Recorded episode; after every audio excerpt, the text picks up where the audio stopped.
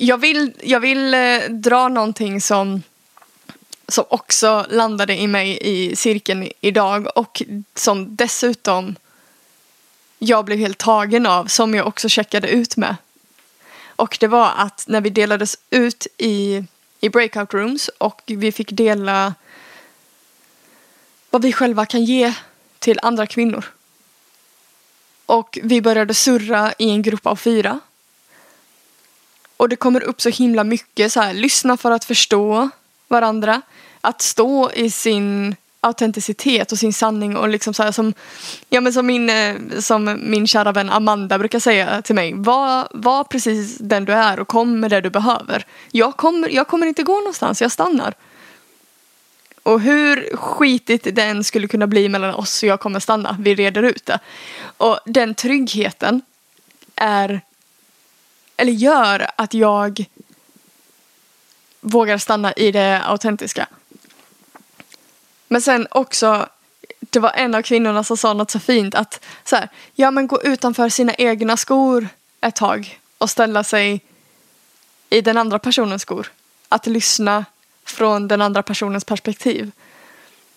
Och jag tror bara på de här 15 minuterna, jag önskar jag hade suttit och skrivit ner vad vi kom fram till på 15 minuter, en kvart, vad vi hade kunnat komma fram till alltså på en hel workshopdag eller på, på bara en timme.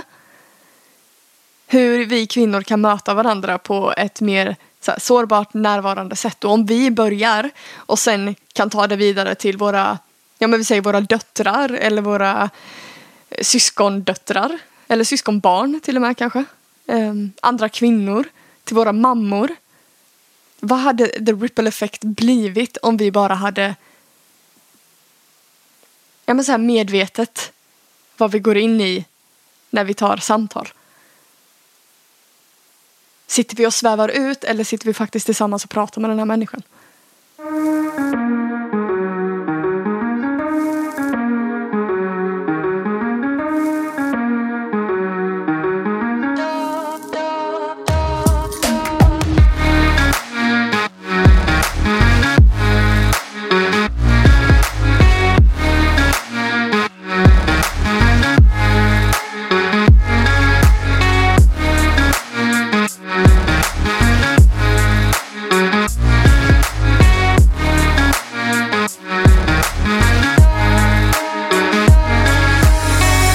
Du, du vet ju inte vad vi ska prata om idag. Ingen aning. Jag eh, fick inspiration under cirkeln idag. Vi, eh, vi pratade om eh, vad vi kvinnor kan ge till varandra. Och vad vi behöver från kvinnor. Och någonting som väcktes i mig och som blev så himla starkt när vi eh, var ute i så kallade break, breakout rooms. Jag brukar alltid säga break-up rooms. Det är ju tråkiga rum. Mm. Så kom jag på ripple effect. Mm. Vad är de första tankarna som kommer upp bara jag säger ripple effect? Ska jag Mm. fortsätta sen? Då tänker jag att det är som en sten som kastas ner i vatten och sen så har den, för den med sig lite vågor utåt. Mm. Mm. Exakt. Exakt. Och det är ju, du beskrev ju precis vad en ripple effekt är. Så ehm, och det jag insåg där, eller där vi, den gruppen jag var ute i tillsammans med så pratade vi mycket om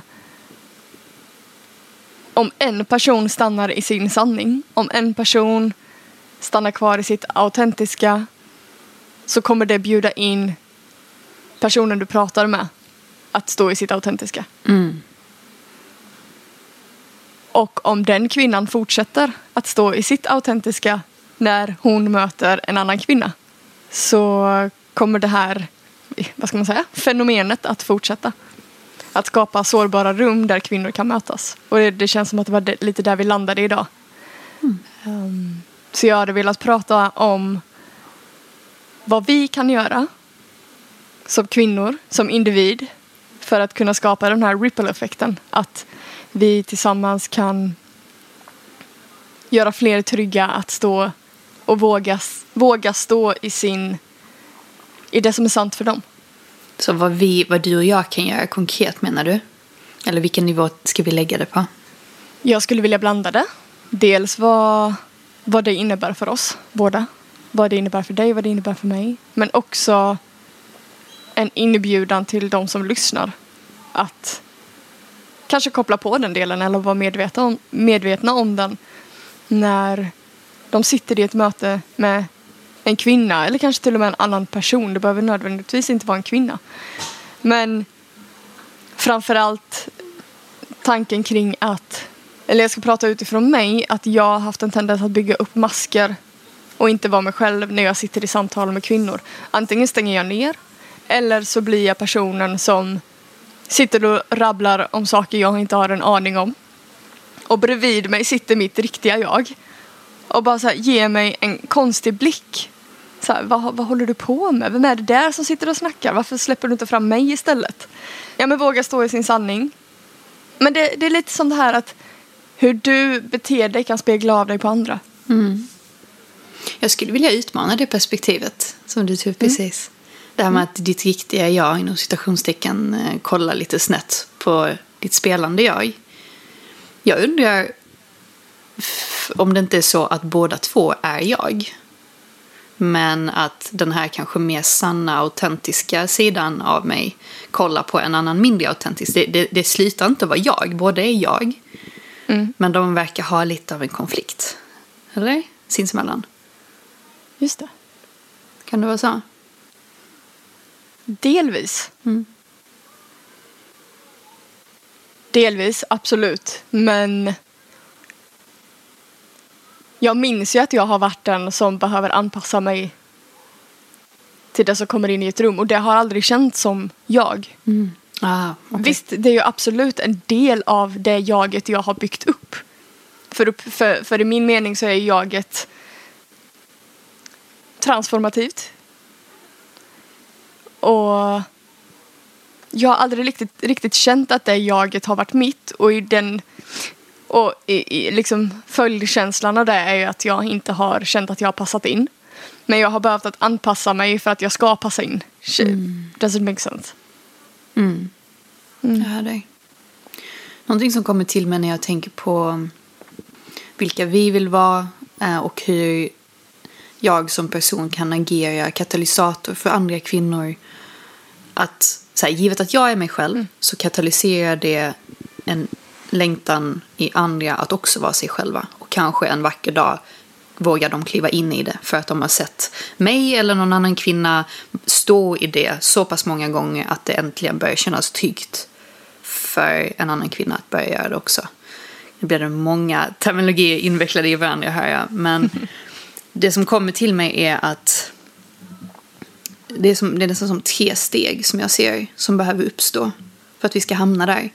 Det första steget är att vi som individer behöver börja kasta ljus på omedvetna sidor i oss själva, både medvetna och omedvetna, och ta hjälp av vår omgivning att men förstå helt enkelt bättre först och främst vem är den här autentiska personen. Låt oss börja där. Så här, vad tycker den om? Eh, när har jag nära till mitt autentiska jag? När har jag långt ifrån mitt autentiska jag? Och börja så här, bara känna in den kostymen. Och sen, ehm, sen tror jag att steg två blir att kliva in i ett rum och se var uppstår det inautenticitet. Och kan jag sitta där och fortfarande äga min egen sanning? Ehm, och det som händer då tror jag hos andra är att det börjar tändas mentala idéer om hur det kan vara. Men det är inte förrän de här mentala idéerna har börjat droppa ner i hjärtat som det uppstår ett förkroppsligande. Så det är en sak om, om en trygg och säker kvinna kliver in i ett rum, agerar det här exemplet, kanske tänder en del ljus i andra. Men att det då det är fundamentalt såklart att det är ett frö som sås. Men för att det här fröet ska kunna fortplantas till att bli en växt så behöver det växa ner i hjärtat och bli förkroppsligat. Just det. Kan det vara så? De här tre stegen framförallt. Nu översimplifierar jag, det förstår jag med, men det är så jag ser det. Jag tycker absolut det det är byggstenarna. Har du någon situation där du väldigt tydligt har känt att en annan kvinna har stått i sin sanning och inspirerat dig till att stå i din sanning? Pamela. Ja. Har du något specifikt minne? Ja, jag har en ganska specifik stund. Och det var när vi var på Nordic Women's Gathering förra året. Jag har haft en tendens att sätta upp folk på pedestal. Jag tror jag har sagt det på den innan. Att folk jag ser upp till förhöjer jag och jag förminskar mig själv. Och jag, jag har lättare att inte göra det längre. För jag är medveten om den. Men de jag har satt upp på pedestal sen innan har jag svårt att dra ner. Så den punkten jobbar jag på väldigt mycket nu. Men den stunden när jag såg att Pamela också var mänsklig. Det blev en jättestor inspirationskälla för mig. Och det, när, man, när man är på retreat så kommer man in i olika processer. Um, och Pamela var en av de som ledde den här gatheringen. Och när jag såg henne stå tillsammans med en annan person och liksom låta ja, men liksom så här, gråta ur någonting. Jag satt på andra sidan av rummet och hon satt på andra.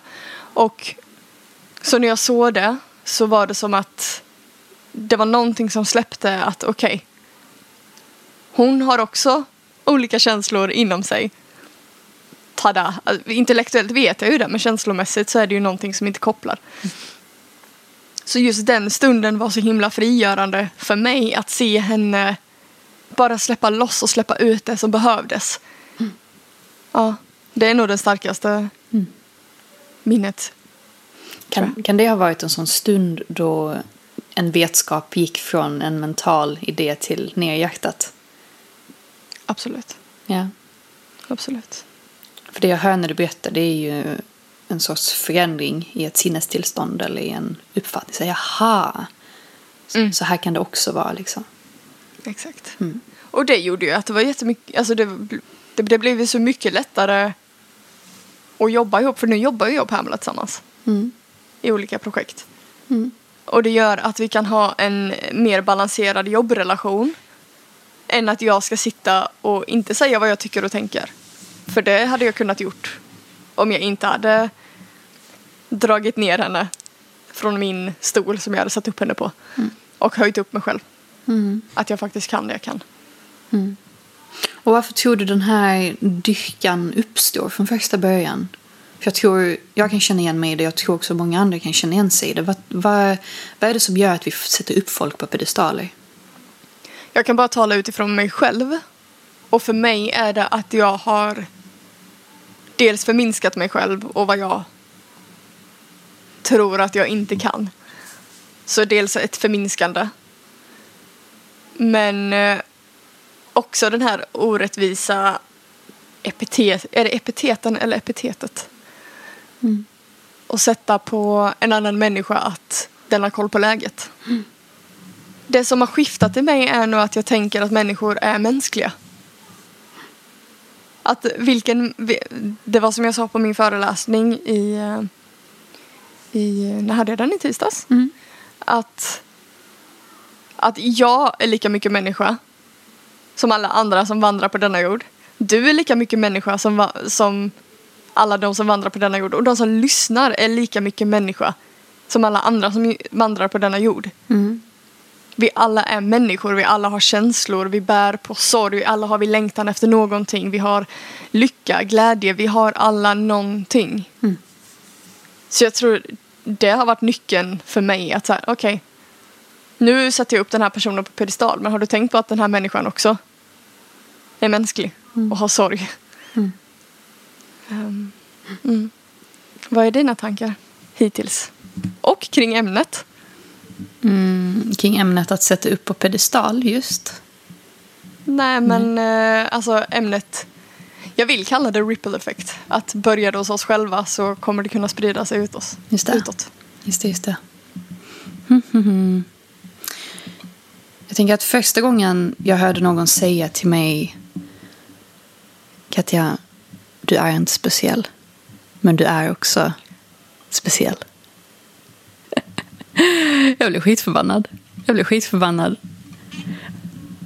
Um, och inte bara förbannad, men jag blev, jag blev ledsen också. För jag, jag har tagit mycket stolthet i mitt liv kring att jag har känt mig speciell. Allt ifrån liksom hur jag växte upp till att ha varit en eh, exotisk fågel när jag flyttade till Sverige. Det är så massa alltså, juicy, yummy historier om varför jag är så himla speciell. Och, och sen så, nej, du är inte speciell. Så har jag, ja, men det, det är instrumentellt. Det är instrumentellt att påminna mig själv om att jag inte är särskilt speciell. Eh, och det är också därför jag är speciell. Som paradoxen eh, lyder. Mm. Um, jag um, kan också svepas av eh, dyrkan av personer. Men för mig så är den processen rätt så kort. Det flyger Mm. upp väldigt snabbt och väldigt högt. Så här, wow, stort. Stor beundran för att sen egentligen falla väldigt fort också. Och jag tror också att det har att göra med det du sa om att jag identifierar, ah, här var det tecken på mänsklighet. Så därför så kan jag lugna ner mig lite nu. Just det. Så där står jag. Och det, det behöver inte vara särskilt stora grejer. Det kan vara... Jag vet inte, det, det känns som att i min påhittade fasad så är det, det är rätt så lätt att spräcka den fasaden jag ställer upp. Till exempel Mm. om en person använder ett visst ord på sociala medier. Så kan jag bli lite så här, jaha. Jag blir snabb i tanken och döma. Så okej, det, var ju, Mm. det var ju mänskligt sagt. Liksom. Eller om jag säger en kommentar. Så att jag, jag- ja, för gott och ont, snabb på att döma. Men också därmed snabb på att avdyrka personer. Mm. Just det. Det kanske säger mer om mig och hur mycket jag... hur min hjärna fungerar liksom. Mm. Jag har aldrig varit någon som är, nu använder jag uttrycket kändiskåt. Mm. Jag sätter upp folk på pedestal. Mm. Men det är folk som är nära mig. Mm. Men jag minns att jag hade, jag hade två vänner när jag var liten och vi gick förbi någon kändis på stan om vi var i Stockholm eller om det råkade vara någon kändis i Helsingborg och vi gick förbi dem. Och de sa, åh gud det var ju de två, Kom, såg du? Herregud. Och jag bara, mm, ja, okej. Och jag har alltid varit så jäkla sned på att människor, komiskt nog, höjer upp kändisar. För de, jag, jag har alltid sagt att jag tycker att de är lika mycket människor som, som alla andra, bara att de har mer pengar eller har fler ögon på sig. Och, men jag tycker det är intressant att jag då höjer upp personer som står mig nära, men inte kändisar. Mm. Jag måste dra den här anekdoten också. När jag... Gud vad jag blev arg då. När jag och Melvin var i Bryssel för, kan det vara ett och ett halvt år sedan? Så eh, det är ju liksom politikermeckat. Dit åker alla politiker. Och så hade de något sånt här, de hade något event eller någon gathering i eh, det här huset där politiker möts. Nu känner jag mig jätte obildad, men i alla fall. Så kommer det fem polisbilar framför en limousin och bakom limousinen kommer ytterligare fem polisbilar. Bredvid den här limousinen så är det två eller tre polismotorcyklar. Och jag bara tappar det mitt på stan och säger varför ska de vara så jäkla speciella och ha eskort? Vilka människor är de? Varför ska de vara så jäkla speciella och liksom ja, ha limousiner och polisbilar runt om dem. För direkt så tänkte jag då att ja, men folk höjer upp dem, de är kända, de är kända politiker, bla bla bla bla bla. Så Melvin bara, du har inte tänkt på att eh, det kan vara en säkerhetsaspekt också? Mm. Jag bara, ja ah, just det. Men jag, jag, tyckte, jag tyckte det var en väldigt rolig situation att jag gick igång så hårt. Och sen så har jag den här pedestalsättandet. Mm. Men jag tror det handlar också om att när jag sätter folk på pedestal, det gjorde jag med Navid när jag började jobba med honom. Men det enda jag, jag ville ju bara att han skulle tycka om mig och ville ha kvar mig i projektet. Ehm. Men han har speglat mig ganska mycket i det att här, det är inte schysst att sätta upp någon på pedestal. Nej. Dels så sätter du för höga förväntningar på en helt annan person. Och du sänker dig själv. Det är sant. Det är sant. Och Mina tankar går till min anekdot som poppar upp här mitt i allt. För rätt många år sedan när jag precis hade flyttat till Stockholm eh, så hade jag ett kapitel då jag gick ut rätt mycket på Stureplan och dansade hela natten lång. Visserligen nice. ingen lång period alls, men den, den höll sig kanske en eller två månader allt som allt. Och under den eh, tiden så hamnade jag en gång i en situation där jag gick ut och festade med en väldigt liten grupp av människor, men där liksom den centrala punkten för gänget var en rätt så välkänd person i Sverige. Så här, ett vanligt hushållsnamn. Liksom. Jag, ska, jag ska inte outa vem det var. men det var i alla fall en, eh, ja, men, något av en A-kändis skulle jag vilja säga i Sverige. Och vi går ut eh, och eh, 20, vad var jag? Ett 22-åriga jag tyckte ju såklart att det var det coolaste en tjej från Helsingborg kunde göra i Stockholm. Och ja, det var inte så mycket mer med det. det. Det var liksom en festkväll, det var shots, det var allt eh, vad styrplanlivet innebär. Uh, ja, nu låter det som att jag vet vad det innebär, men hur som helst. Spola fram ett gäng år och jag är inte längre intresserad av styrplan. Jag är mycket mer intresserad av tech, jag är intresserad av startups. Det finns ju väldigt stark eh, startupkultur i Stockholm. Och jag eh, har precis dragit igång en, eh, men, ett litet företag. Och lyckats eh, väva in en del sponsorer. Eller inte sponsorer, vad kallar man det, investerare. Um, och till min stora förtjusning och överraskning så var ju faktiskt en av de här investerarna den här kändisen. Mm. Så när han klev in, nej nu sa jag att det var en han också. Ah, ledtrådar. Hen? Hen. Jag räddade det, det är lugnt. så när, när liksom samtliga intressenter samlas i mötesrummet och ska prata hur den här startupen ska gå, gå vidare. Så, så, jag är ju så osäker på om han känner igen mig från den där Stureplansnatten. Men som tur är så var han helt clueless. Han visste, han hade ingen aning om och, och det som hörs historien till det var att i och med att jag fick se den här personen på en rätt så liksom salongsberusad plats. Mm. Och på tal om att jag har en rätt så stor känslighet för när folk blir mänskliga. Så mm. var det så lätt för mig att ändå kliva in i det rummet med lite av ett så här skratt eh, i bakhuvudet. Um, för jag tyckte inte alls att det var läskigt att bemöta honom efteråt. Mm. Um, så så kan det gå, kids. En dag så festar man med dem och en annan dag så är de en investerare. Gäller att plocka ner dem från pedestalen så fort som möjligt. Gud vad jag inte trodde att jag skulle berätta den här historien idag. Men så blev det. Allt är välkommet. Verkligen.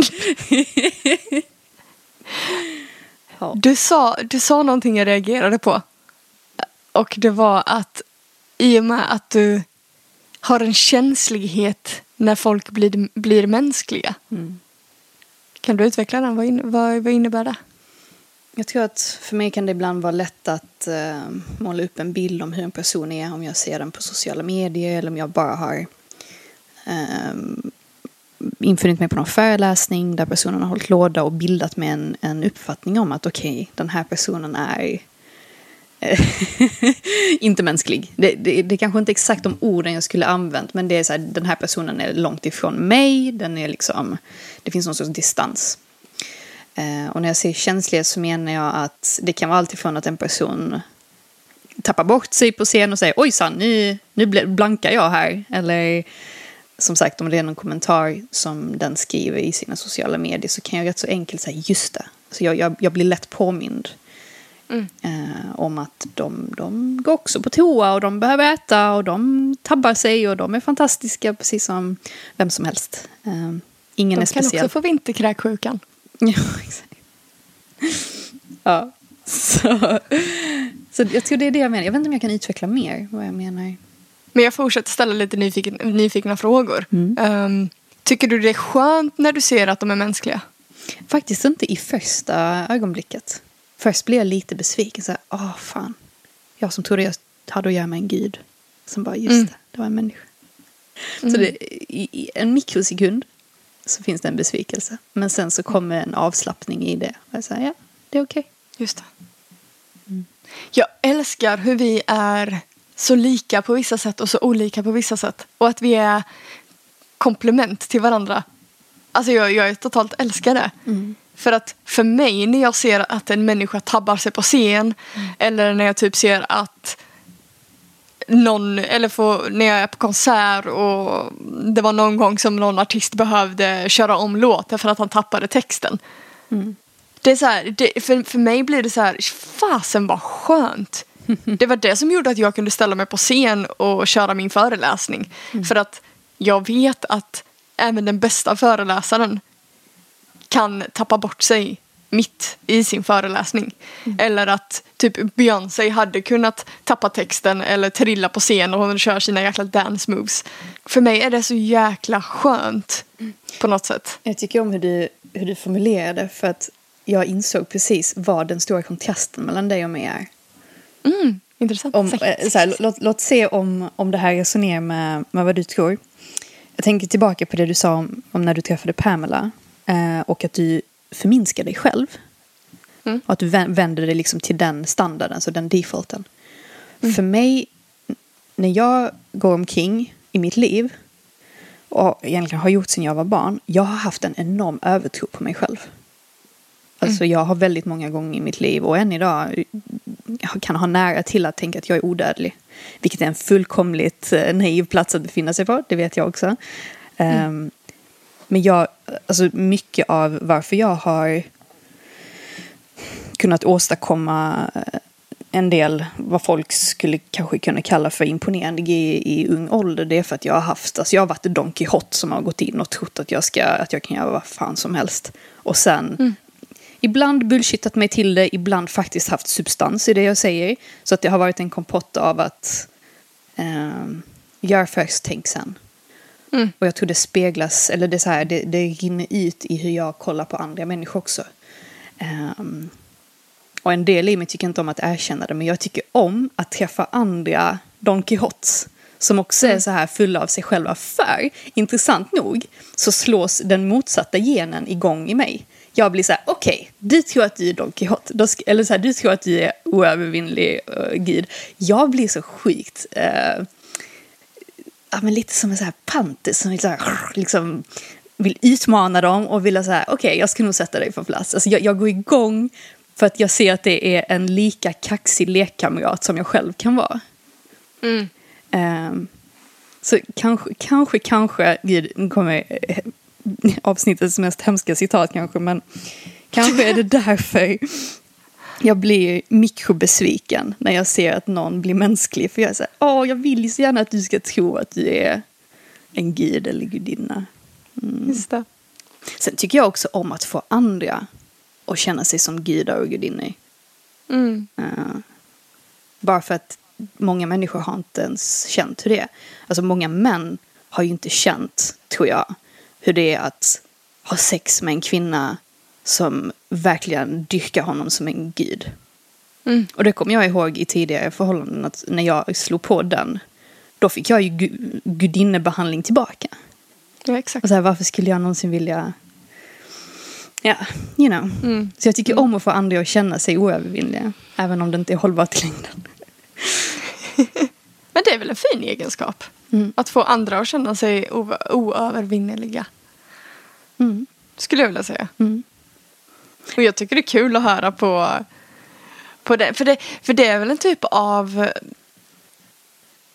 Ja, men, jag, jag hittar inte riktigt rätt ord. Men jag vill säga tävlingskaraktär. Men det är inte, det är inte riktigt ordet tävling jag är ute efter. Kanske mer alltså, dedikerad. Mål, må, målmedveten. Mm. Driven. Men- Menar du att du reflekterar vad, vad du tror att jag, eller det du hör mig säga? Ja, i, ja, Jag ja. är sjukt tävlingsinriktad. Jag, alltså, ja, men då hade jag rätt först. men, men du hade helt rätt, men inte på ett sätt där jag blir en otrevlig förlorare. Det vill jag gärna Nej, säga. Jag, alltså, jag blir inte bitter av att förlora. Jag tycker, alltså, bara för lekens skull tycker jag om att tävla. Sen om jag Mm. vinner, då kommer jag ändå dela på kronan, kasta ena halvan till den ena och behålla andra halvan. Som i den där. Lindsay Lohan-filmen. Alltså jag har inga problem med att dela på vinst. Vet du vilken jag menar? Den här jättecheesy... Freaky Friday. Nej, det var inte för Nej, Det var det någon Lindsay film Lohan. där tjejen så blir prom queen och hon är så här nej, vi är alla fina och så tar hon kronan och så kastar hon ut, eller hon så här bryter den i små bitar och så kastar hon ut den på publiken och säger vi alla. Det är så cheesy. Ja. Alltså jag, jag, jag är, min, min, min filmbank är ju inte den, den djupaste så att säga. Jag såg Matrix för första gången för tre dagar sedan. Nej!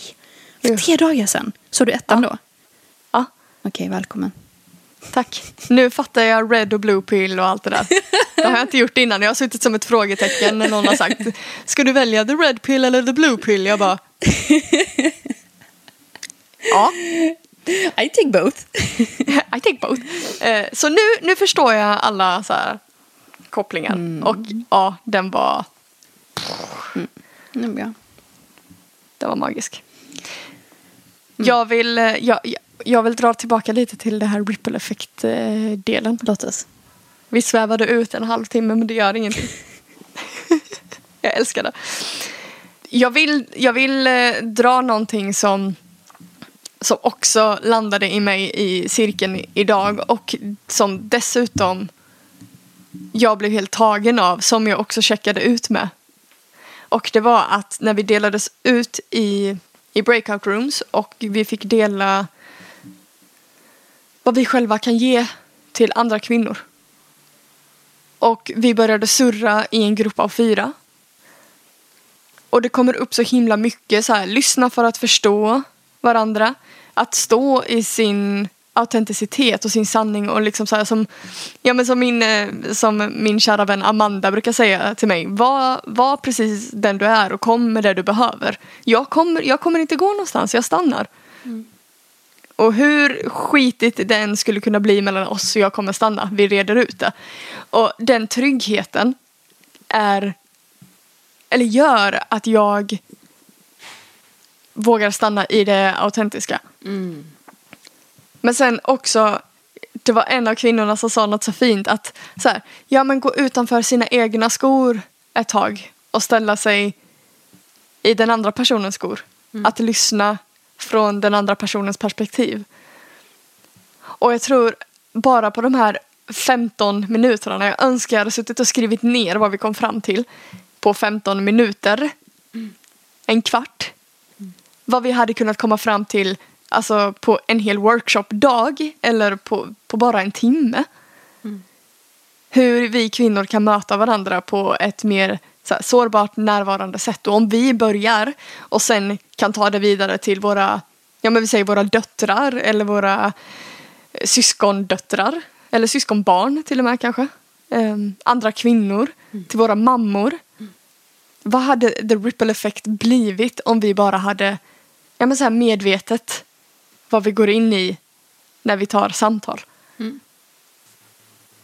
Sitter vi och svävar ut eller sitter vi faktiskt tillsammans och pratar med den här människan? Jag tycker, ja det, ja, det finns någonting där. Det finns någonting och så här.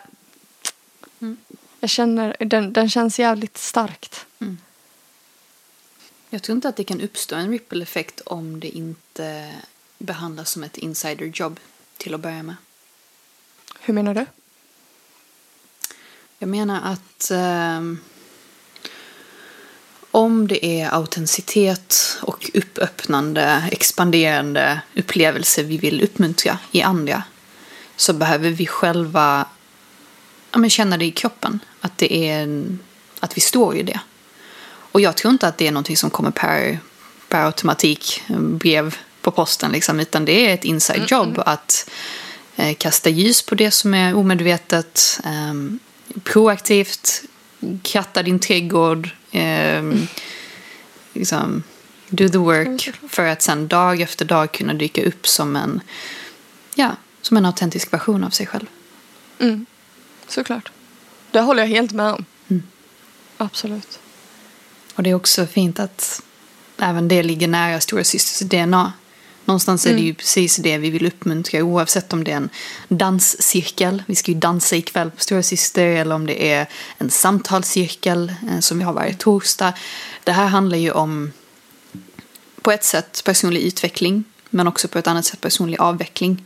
Som eh, Linda brukar säga, en, eh, Ja. en annan stora syster. Och att hur många lager kan vi kasta av oss så att vi så småningom kan stå i hjärtat, i det nakna i det sårbara. Eh, ja. Stora syster är bra på det. Mm. Och också känna det här stödet att, ja men så här, kanske att man vill bjuda in till detta att, till en annan kvinna. Och att veta att okej, okay, det här är en ny kvinna som, ska, som jag vill möta. Som jag vill liksom kunna äh, men kanske inspirera att stå mer i, sin, i sitt sanna. Och då veta att man har ett helt gäng kvinnor som vill samma sak. Men att nu står jag tillsammans med den här andra kvinnan. Jag har tagit av mig mina skor för att ställa mig in i hennes värld. Mm. Och stötta henne i det hon behöver stöd i. Men också veta att bakom mig har jag min mur av andra kvinnor. Mm. Som håller min rygg. Det är väldigt skönt att ha den känslan. Mm. Faktiskt. Och då kan vi också tisa lite grann med att säga att stora syster håller ju på att bli lite mer organiserat i talande stund. Och att det finns på tapeten att börja ja, men verkligen bjuda in kvinnor som står i sin sanning fast i olika faser i livet. Mm. vad innebär det att stå i sin sanning som en nybliven mamma? Vad, står det, vad innebär det att stå i sin sanning när klimakteriet knackar på dörren? Mm. Eh, när ett karriärskifte ska uppstå. Alltså det, det finns eh, vissa kvinnor som har uttryckt viljan att kliva fram och, och äga den där domänen för andra som söker stöd. Som söker en mm. sten som, som, som kan rippla ut även i deras mm. liv. Uh, ja. Så det, det kan vi tisa med och veta att det finns i görningen. Jag vet ju att jag hade velat ha det här i mina tonår till exempel. Ja. Yeah. Shit vad jag hade velat ha det här i mina tonår. Jag tror att vi har ju någon tonåring med. Tror jag. Jag tror vi har flera stycken. Är det flera? Alltså 18 och 19-åringar har vi ju ett gäng. Ja. Mm. Och jag tycker det är så jäkla häftigt att de väljer att träda in. Det hade ju inte alls varit i min tanke i den åldern. Mm. Men ja, vi är, vi är ju vi är, alltså det är ju generationsskiften hela tiden. Mm. Jag, känner, jag känner att hade jag snubblat över stora syster som 18-årig hade jag gärna sökt mig hit. Mm. Kanske också för att jag är ensambarn. Du är också ensambarn. Ja, precis. Jag har också en tanke kring dem som de som inte riktigt har vågat öppna grinden och komma in. Jag, jag ska erkänna att jag tänker väldigt mycket på dem för jag vet att det är flera stycken som, som vill komma in i det här rummet. Men när det väl, när handen väl har lagts på handtaget på grinden så är det så här, nej, nej jag tar det nästa gång. Och det är helt okej. Okay. Men att jag vet inte, på något, någon känsla i mig vill så här, inom citationstecken avdramatisera stora syster. Att det är ett rum där bemötandet är så varmt. Och det här är ingenting jag bara säger. Utan bemötandet i stora syster är så otroligt varmt. Och jag förstår att det finns en rädsla för att bli dömd av andra kvinnor om det är det man är van vid. Mm. Men det finns liksom inte där. Det är så mycket kärlek som skickas ut. Mm. Och är du Sitter du just nu och lyssnar på den här podden och fortfarande inte varit med i stora systercirkeln och har en längtan men att det är någonting som tar emot. Jag vill egentligen bjuda in dig till att kanske höra av dig till mig eller Katja. Och så kan vi prata om det för att det här är ett space som inte tillåter dömande. Det tillåter inte något elakt att hända utan det här är ett rum där vi bjuder in till att du ska få ta den plats du behöver och släppa fram det du behöver. Så är du fortfarande nyfiken och vill komma in i den här cirkeln men har fortfarande inte ja, men vågat träda in så hör av dig till oss för att vi vill jättegärna stötta dig i att möta andra kvinnor för att det kan vara det, det finaste jag har gjort i alla fall. Så sant som det är sagt. Jag tycker vi håller det här avsnittet lite kortare ja. idag. Ja. Ska vi inte puffa lite? Ja, det är klart vi ska. Hallå! Vi ska puffa för nästa cirkel. Äger rum varje torsdag egentligen. Så vilken mm. veckodag du än lyssnar på så är det på torsdag vi hörs. Eh, mm. Lunchtid. 11.30. Vad sa du? Förlåt. ja, 11.30. vilken tid, vilken tid. Tiden är 11.30 till klockan ett. Så vi håller på i en och en halv timme.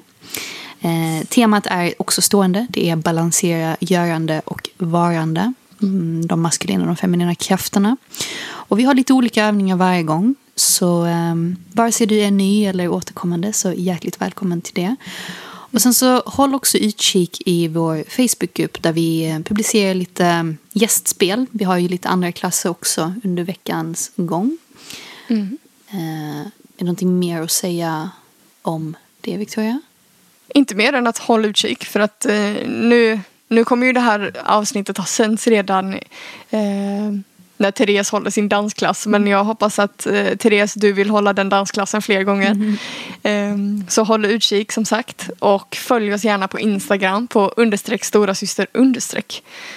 Och i mitten av augusti så kommer det komma en entimmescirkel. Som heter, eller jag vet inte om den kommer heta accountability cirkel men det är i alla fall det det handlar om. Och det är att vi ska sätta upp mål och tillsammans så kommer vi klara dem. För att eh, det är lättare att klara mål och eh, det är lättare att klara mål tillsammans om vi har varandras stöd. Och att peppa varandra om vi skulle råka trampa snett eller tappa motivationen. Det här är liksom en cirkel som ska peppa oss till att göra vårt liv bättre och också faktiskt kunna stå i den sanning som vi längtar efter. Så i mitten av augusti, men det kommer också publiceras i Facebookgruppen. Och vill du ha eh, förspel höll jag på att säga. Vill du ha en pre-länk eh, för anmälan för det kommer bara vara 15 personer som kommer få ta plats i den cirkeln till att börja med. Det kommer först gå ut en länk till de som är medlemmar i Facebookgruppen. Sen kommer vi gå ut med det publikt. Så att de som är med i Facebookgruppen kommer få första tjing. Så jag vill bara poängtera det. Mm. Jag vill punktera det. Nej, jag ska. Tack. Och jag vill också slänga in, om du har män i ditt liv, vilket vi ju alla har, se till att skicka dem till storebror. Eh, där eh, de gör motsvarande jobb som vi kvinnor gör i Stora Syster. Eh, väx tillsammans parallellt. Partner, pappa, son. Du vet vem du behöver skicka i så fall. Mm. Och så är du hjärtligt välkommen till Stora Syster. Tack för idag hjärtat. Tack för idag.